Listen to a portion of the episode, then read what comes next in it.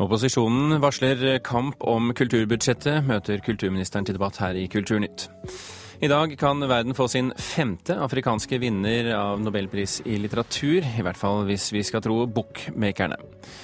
Og vi tar med deg til London litt senere i sendingen for å få reaksjonene på premieren av Morten Tyldums film The Imitation Game. Du hører på Kulturnytt med Birger Kolsrud Aasund i studio. Og la oss begynne sendingen ved å skru tiden litt tilbake til kulturministerens pressekonferanse i går. For å realisere drømmer og visjoner så trenger du talent, engasjement, tid og hardt arbeid. Jeg vil si mye hardt arbeid. Sånn har kultur, kulturlivet vokst fram. Regjeringens budsjett for 2015 det skal bidra til å løse viktige problemer i dag. Og det skal ruste Norge for framtida. Ja, Det sa en kulturminister som var tilfreds med egen politikk i går og i dag. Velkommen til eh, Kulturnytt, Toril Vidvei. Takk for det. Etter all den kritikken regjeringen fikk for forslaget til kulturbudsjett i går, er du like fornøyd? Ja, jeg er veldig stolt over det. Uberørt, med andre ord? Jeg er veldig stolt over det budsjettet som vi har lagt fram. Det gir mer til biblioteker, det gir mer til gaveforsterkning, det gir mer for å kunne skape kultur og kunst i det ganske land. Jeg er utrolig stolt over det. Vi har satsa på en ny talentutviklingsordning for talenter i kunst- og kulturlivet. Det er et satsingsområde som jeg tror har vært forsømt, og som vi nå kan gå sammen om. Og så er det en hvis vi skal tro eh, lederen for Norsk Journalistlag, Thomas Benz, en resept for å avlive deler av norske medier. Eh, denne, eh, dette kuttforslaget på 50 millioner kroner i pressestøtte. Syns du Spence er helt på jordet når han sier det? Nei, Nå får uh, Thomas Benz si det som han føler for er riktig å si. Eh, men men, men syns du han er helt på jordet når han sier det? Nå er det sånn, eh, Jeg mener at dette er forsvarlig, eh, det vi har lagt fram. Eh, det er ikke sånn at eh, media begynte å få problemer når den vår Solberg-regjeringen tiltrådte i fjor høst. Jeg ble vist både tall og en utvikling som har gått i den retningen. Media har bedt om at de må få virkemidler som stimulerer de til at de kan få sjøl lov å velge hvilke medium de har lyst å produsere sine nyheter i. Det har jeg bidratt med. Og, et kutt var, i pressestøtten, er det, er det hjelpen ja, på veien de trenger? Her må man se på totalpakken som det man har levert. Vi bidro til at man eh, fikk til en produksjonsnøytralitet når det gjelder eh, produksjonstilskuddet. At nå kan dere sjøl velge hvilken plattform man ønsker å formidle nyhetene i. Vi tar et grep i forhold til lavmoms, eh, som bidrar også til at det ikke er faktisk de statlige virkemidlene som bestemmer hvor du skal være med på å formidle dine nyheter. Det er svært viktige tiltak. Det ble fortalt ifra et at det var et, en, et veldig klart uttrykk fra nesten alle i mediene når jeg tiltrådte som medieminister, og det har vi jobba målrettet for å få til. Mm. Og så er det ikke noen overraskelse at Høyre og Frp har sagt at vi vil ha en gradvis reduksjon i produksjonsstøtte. Det fremma vi forslag om når vi var i opposisjon, og det har vi også foreslått i eh, Sundvolden-erklæringen. Og så har jeg lyst til å si, jeg er ganske imponert over at eh, både Arbeiderpartiet og SV og Senterpartiet nå er veldig ivrige til å gjøre ting med media. De har sittet der i åtte år. De hadde flertall de åtte årene de satt der. De hadde en fantastisk mulighet til å bidra til at media hadde fått en mye mer offensiv politikk hvis de faktisk mente det. Geir Jørgen Bekkevold eh, i Kristelig Folkeparti. Eh, er det lett for deg å være med på dette kuttet i produksjonsstøtten? Eh, nei, det er det ikke. Og jeg er egentlig litt overrasket over at de velger å ta en omkamp på produksjonsstøtta. Jeg trodde vi var sammen med Venstre så tydelige for ett år siden at Eh, jeg hadde ikke forventet at de kom med et forslag om å kutte produksjonsstøtta med 15 millioner, som i realiteten eh, er høyere pga. prisvekst. Men nå har de jo samtidig kuttet ut momsen, i hvert fall eh, ja, De har foreslått lavmoms, ja. og, og altså, det skal kulturministeren ha. Hun har aldri tatt til orde for noe annet enn det hun har lagt fram i budsjettet som et forslag nå. Men, men, KrF var jo det første partiet som, som tok til orde for null null-moms, og det ligger fortsatt på bordet. Eh, så får vi se hvor langt vi kommer med det. Men det som virkelig overrasker, til tross for Sundvolden-erklæringen, det er at de vil ta en omkamp på produksjonsstøtten.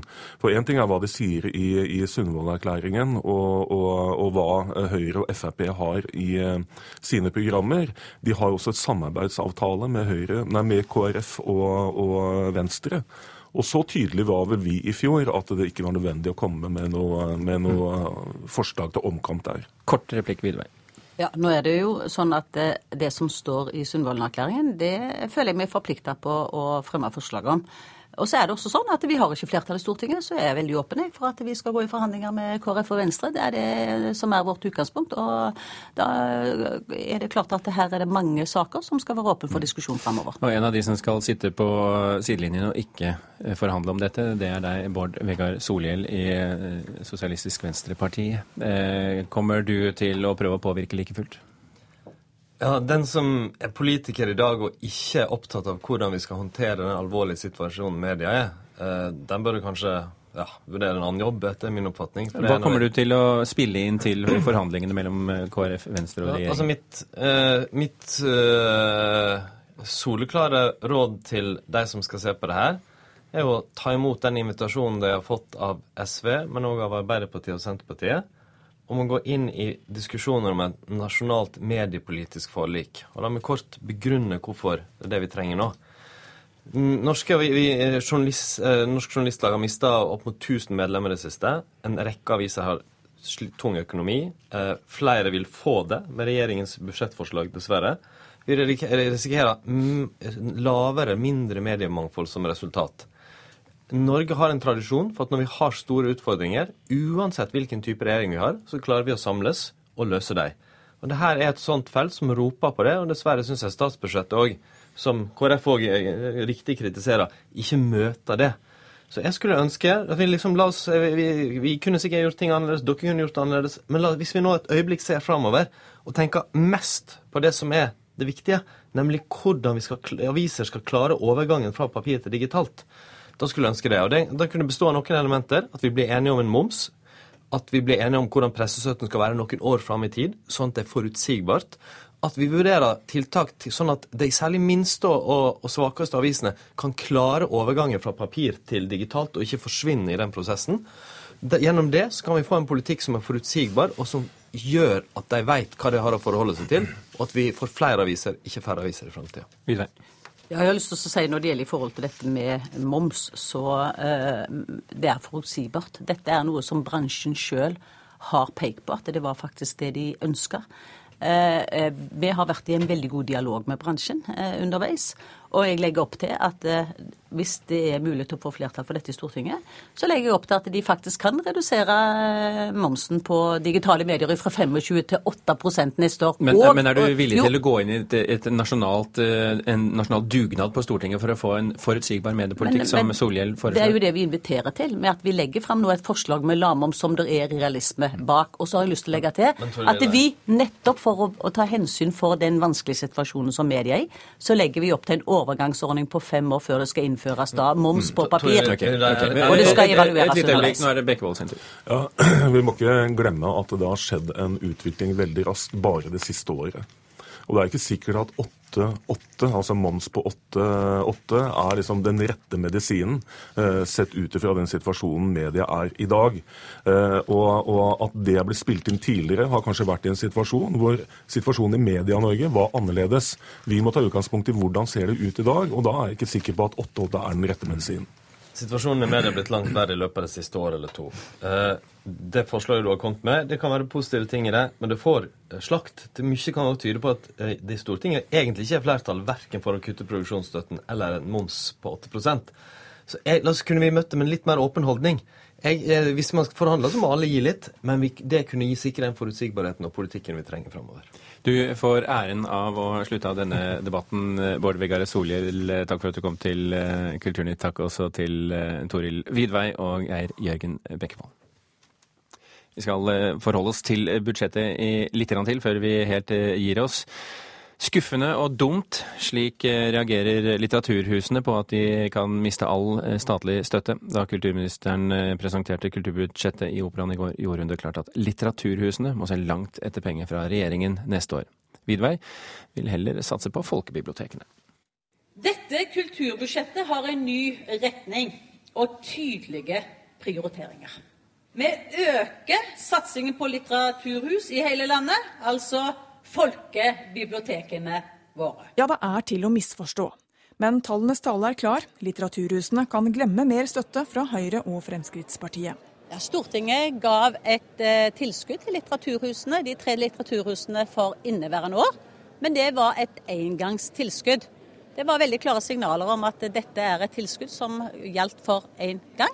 Det er jo skuffende. Hvis jeg tar det innover meg, så får det kjempestore konsekvenser. Vi drives effektivt og med bare fire fast ansatte.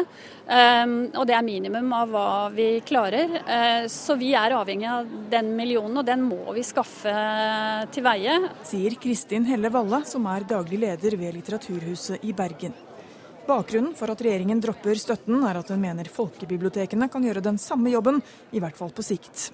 I forslaget til statsbudsjett for neste år har regjeringen satt av 48,5 millioner kroner til utvikling av bibliotekene, 20 millioner mer enn i 2014.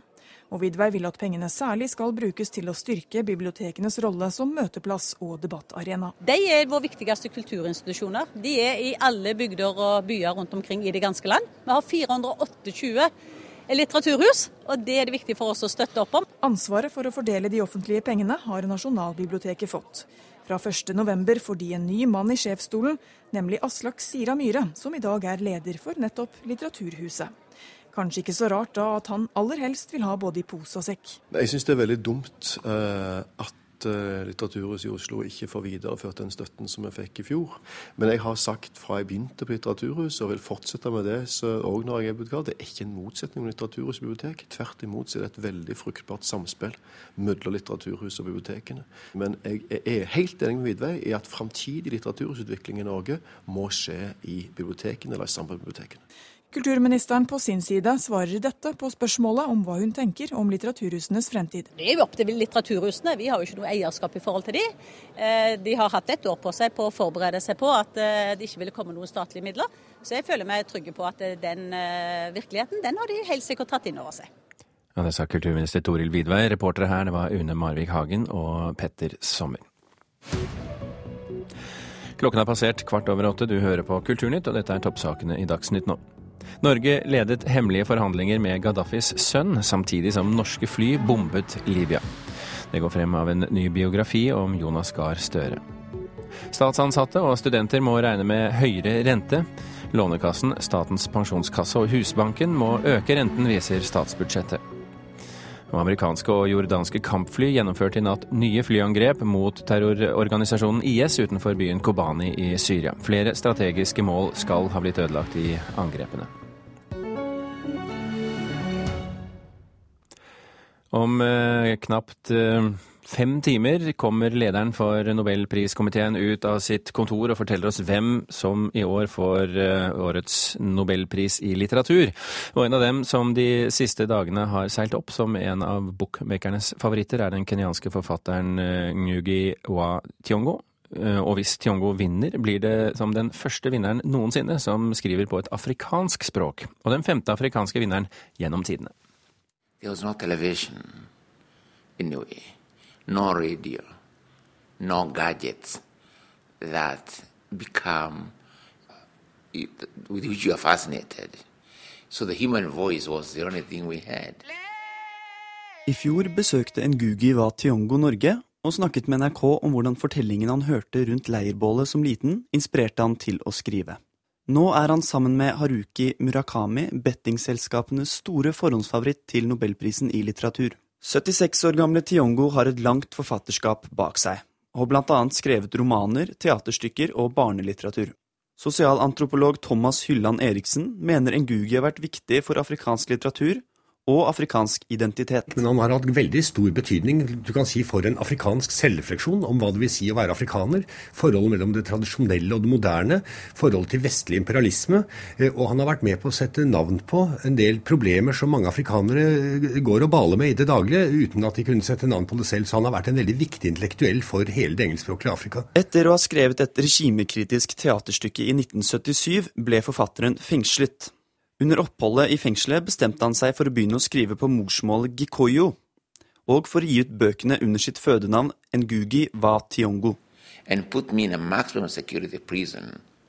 That changed my entire relationship to both languages. Da NRKs litteraturkritiker Anne Katrine Straume intervjuet Tiongo i fjor, snakket han bl.a. om hvordan oppholdet i fengselet forandret hans forhold til språk og politikk i Kenya. Etter et år i fengsel jobbet Tiongo noen år under sterk sensur i landet, før han i 1982 flyktet fra landet fordi han fryktet at regimet ville drepe han. Forfatteren returnerte ikke til Kenya før i 2002, men dro igjen fra landet fordi han og kona ble angrepet. Tiongos lange forfatterskap og hans politiske innhold gjør at Anne Katrine Straume tror han har en god mulighet til å bli Afrikas femte vinner av nobelprisen i litteratur. Det er kanskje på tide at en afrikaner får prisen. Dessuten så har han et forfatterskap som taler mot rasisme, som taler for større demokrati. Det er både humoristisk, satirisk, kritisk. Så sånn sett så skulle han fylle alle de kravene som eh, nobelprisen setter. Selv om Straume tror Tiongo har gode vinnersjanser, syns hun hun det er vanskelig å forutse hvem som vinner prisen. det som eh, er spennende, er jo det at verden er så stor. Og det fins veldig mange flere forfattere enn de som eh, går igjen og igjen hvert eneste år på disse bettinglistene. Så ingenting er bedre enn at det kommer en eh, forfatter fra Sri Lanka eller fra Bulgaria, eller ikke sant, et, et, stort forfatterskap som kanskje ikke vi kjenner til, og som ikke er oversatt til norsk, eller kanskje ikke oversatt til et europeisk språk heller. Så eh, jeg vil gjerne bli overrasket. Det, det er bare fint. Ja, reporter eh, her, det var eh, Jarl Nymo.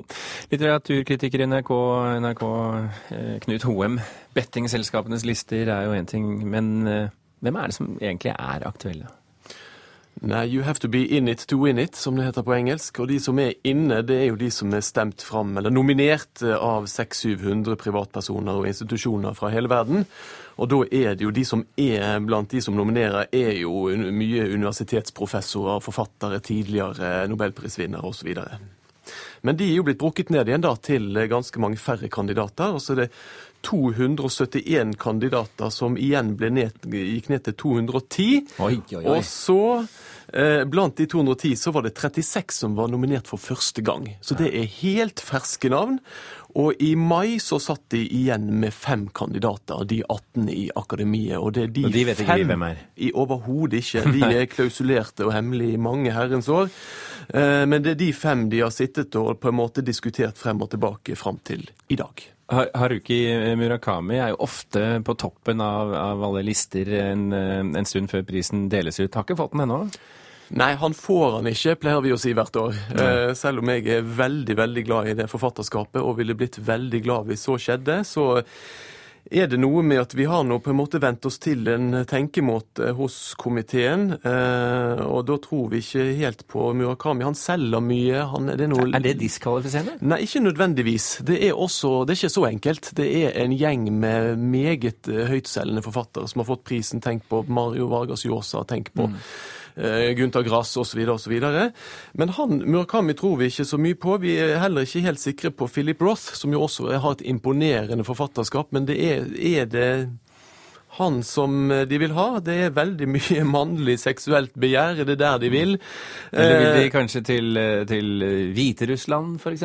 Det kan til en være. kvinne? Ja, det var jo det morsomme da, da, vi var her i fjor og ventet på å få svar på hvem det skulle bli. Da plutselig hoppet Svetlana Aleksejevitsj eh, fra Hviterussland opp på listene, sjokkartet for, for, oss alle, med sine fantastiske intervjubøker om sovjetiske krigsveteraner. Men jeg, jeg ser du har tatt med deg en bok? Ja, det har jeg. Eh, altså, det, det, kan jo bli, bli eh, Tjongi, som vi var inne på, som jo er årets eh, på en måte komet. Men Asiya Djebar fra Algerie er jo også en som har vært på listene lenge. Og det hadde vært morsomt å få den type erfaringer inn. Hun skriver f.eks.: Å skrive om fortiden med føttene tullet inn i et bønneteppe som ikke engang skulle være av jute eller hestehår kastet i veistøvet en tidlig morgen, eller ved foten av en løs sanddyne under en mektig himmel i solnedgangen. Ja, Du skulle gjerne sett at det ble nobelprisvinnerens eh, sitat? Jeg syns det er fint nå at man sitter og skriver om fortiden i en sånn situasjon. Knut Hoem, Takk for at du kom, og vi følger med prisen utover dagen her i NRK.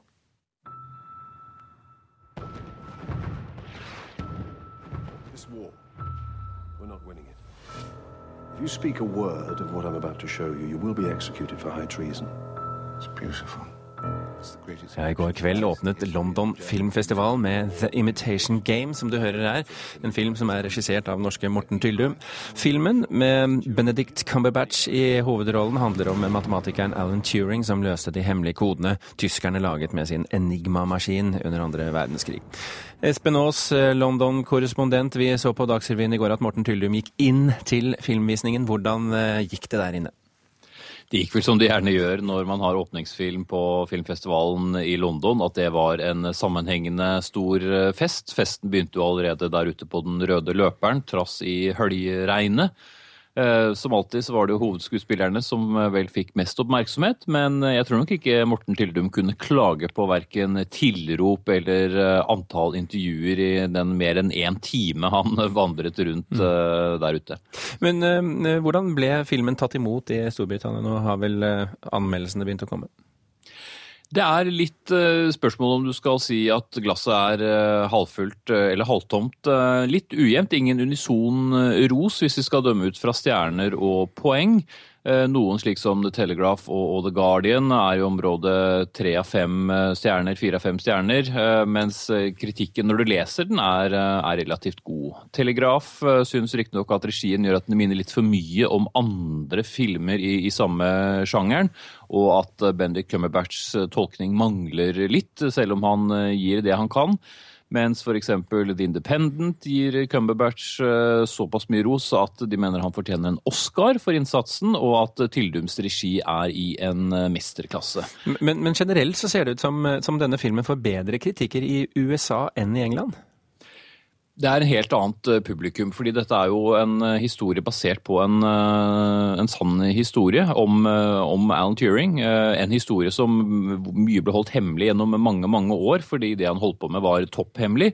Uh, Alan Turing ble jo belønnet for sin innsats for at han forkortet uh, langt på vei krigen med to år. Så ble han jo kjemisk kastrert og straffet uh, fordi han var homofil. Han ble avslørt som homofil en del år etter krigen, og det gikk jo mange mange år før han fikk noen unnskyldning. Så for mange så er jo dette en historie de kjenner godt, som de har lest seg godt opp på, og sånn sett kanskje er det litt mer kritisk publikum. Og så er det jo en Hollywood-film, da, og Hollywood-filmer har en tendens til å gå bedre i USA enn de gjør i, i Storbritannia. Men det er jo noe, det, er, det, virker som det er noe skamfullt eh, som ligger i, i det, det, det britiske her. Så, hvordan de behandlet Alan Turing hvordan de behandlet Alan Turing, og også hvordan de behandlet andre homofile. Homofili var jo forbudt veldig lenge i, i Storbritannia, og selv så sent som opp på 90-tallet så var det jo en høyere seksuell lavalder hvis du var homofil enn om du var uh, heterofil. Og det er jo det som har vært kritikken tidligere også mot filmen, at ikke filmen handler nok om legningen til Alan Turing, men at den er mer opptatt av kampen mot klokken og thriller-elementet i, i denne uh, veldig, veldig fascinerende historien. Vi får se hvordan eh, publikum, det britiske publikummet tar den imot når den begynner å gå på kino der borte. Espen Aas, takk for at du var med i Kulturnytt. Vi gir oss ikke med film av den grunn, for eh, for tre år siden så døde to av de som jobbet i filmteamet bak filmen 'Skumringslandet' i en ulykke på Vestlandet under filminnspillingen. Filmproduksjonen gikk i dvale en periode, men nå har eh, filmen endelig kommet til premieredag, og det eh, folk får se fra og med i morgen. Det er en film hvor det er lagt vekt på tidskoloritt og store scener, men det er en del forhold som skurrer, ifølge vår anmelder Einar Gullvåg Staalesen.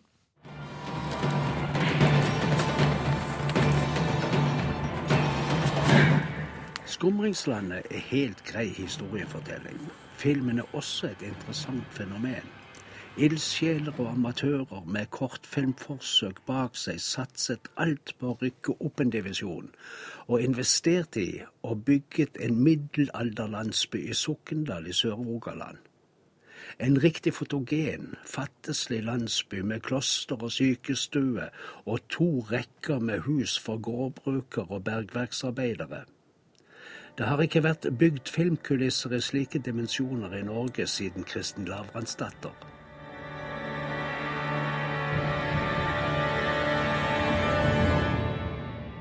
Det jeg vil fortelle, ligger i skyggen av den store pesten. Ingen vitner har overlevd. Ingen historikere har skrevet det ned. Så tilgi meg om ikke alt jeg sier er sant. Filmgjengen, og da særlig regissør og manusforfatter Paul Magnus Lunde, hadde en middelalderhistorie fra tiden rundt svartedauden. Den historien ble bearbeidet med inspirasjon fra landskapet i dalene og forlatte gruveganger i området. En gutt anklages for drap og blir dømt fredløs, dvs. Si fritt vilt. Hans bror, som var skrivekyndig, dro til Paris noen år før og var i ferd med å etablere et liv der da meldingen kom hjemmefra. Han vendte hjem til Sokndal for å bistå broren. Mektige menn kan ha hatt motiv for å anklage den unge mannen for drap på ei jente som han angivelig skal ha hatt glede av. Øvrighetspersoner visste godt at brødrene hadde arvet en av de større eiendommene med tilhørende gruvedrift. Den som er fredløs, er i praksis arveløs. Både kirken og staten, dvs. Si både abbeden og sysselmannen, skulle gjerne hatt den eiendommen. Han er bannlyst og fredløs. Broren min er død. Bror din er anklaga for trolldomsvirke. Om en kort stund så finner de han, og da blir han henrettet. Tidsbildet er altså særdeles krevende, både i penger og på alle kreative sett de får til den jobben. Så har teamet toppet listen av birolleskuespillere med fine folk som Sverre Anker Austdal og Kim Bodnia og Jørgen Langhelle og Elisabeth Sand og Nils Utsi med flere, mens hovedrollene spilles av folk fra de nære områder og vennekrets. Ensemblet gir spennende variasjon i talespråket, men ujevn kvalitet i spillet er en utfordring. Det filmfaglige er det svakeste. Det går på driv og rytme, det går på dramaturgi, det går på bevegelser fra scene til scene eller fra hendelse til hendelse, og det går på hyppig bruk av tette bilder på utrenede skuespillere som vi helst ikke skal studere så nært. Kulturnytt er slutt. Frode Thorshaug, Espen Alnes og Birger Kolsrud Aasund gir Nyhetsmorgens stafettpinne videre til Øystein Heggen.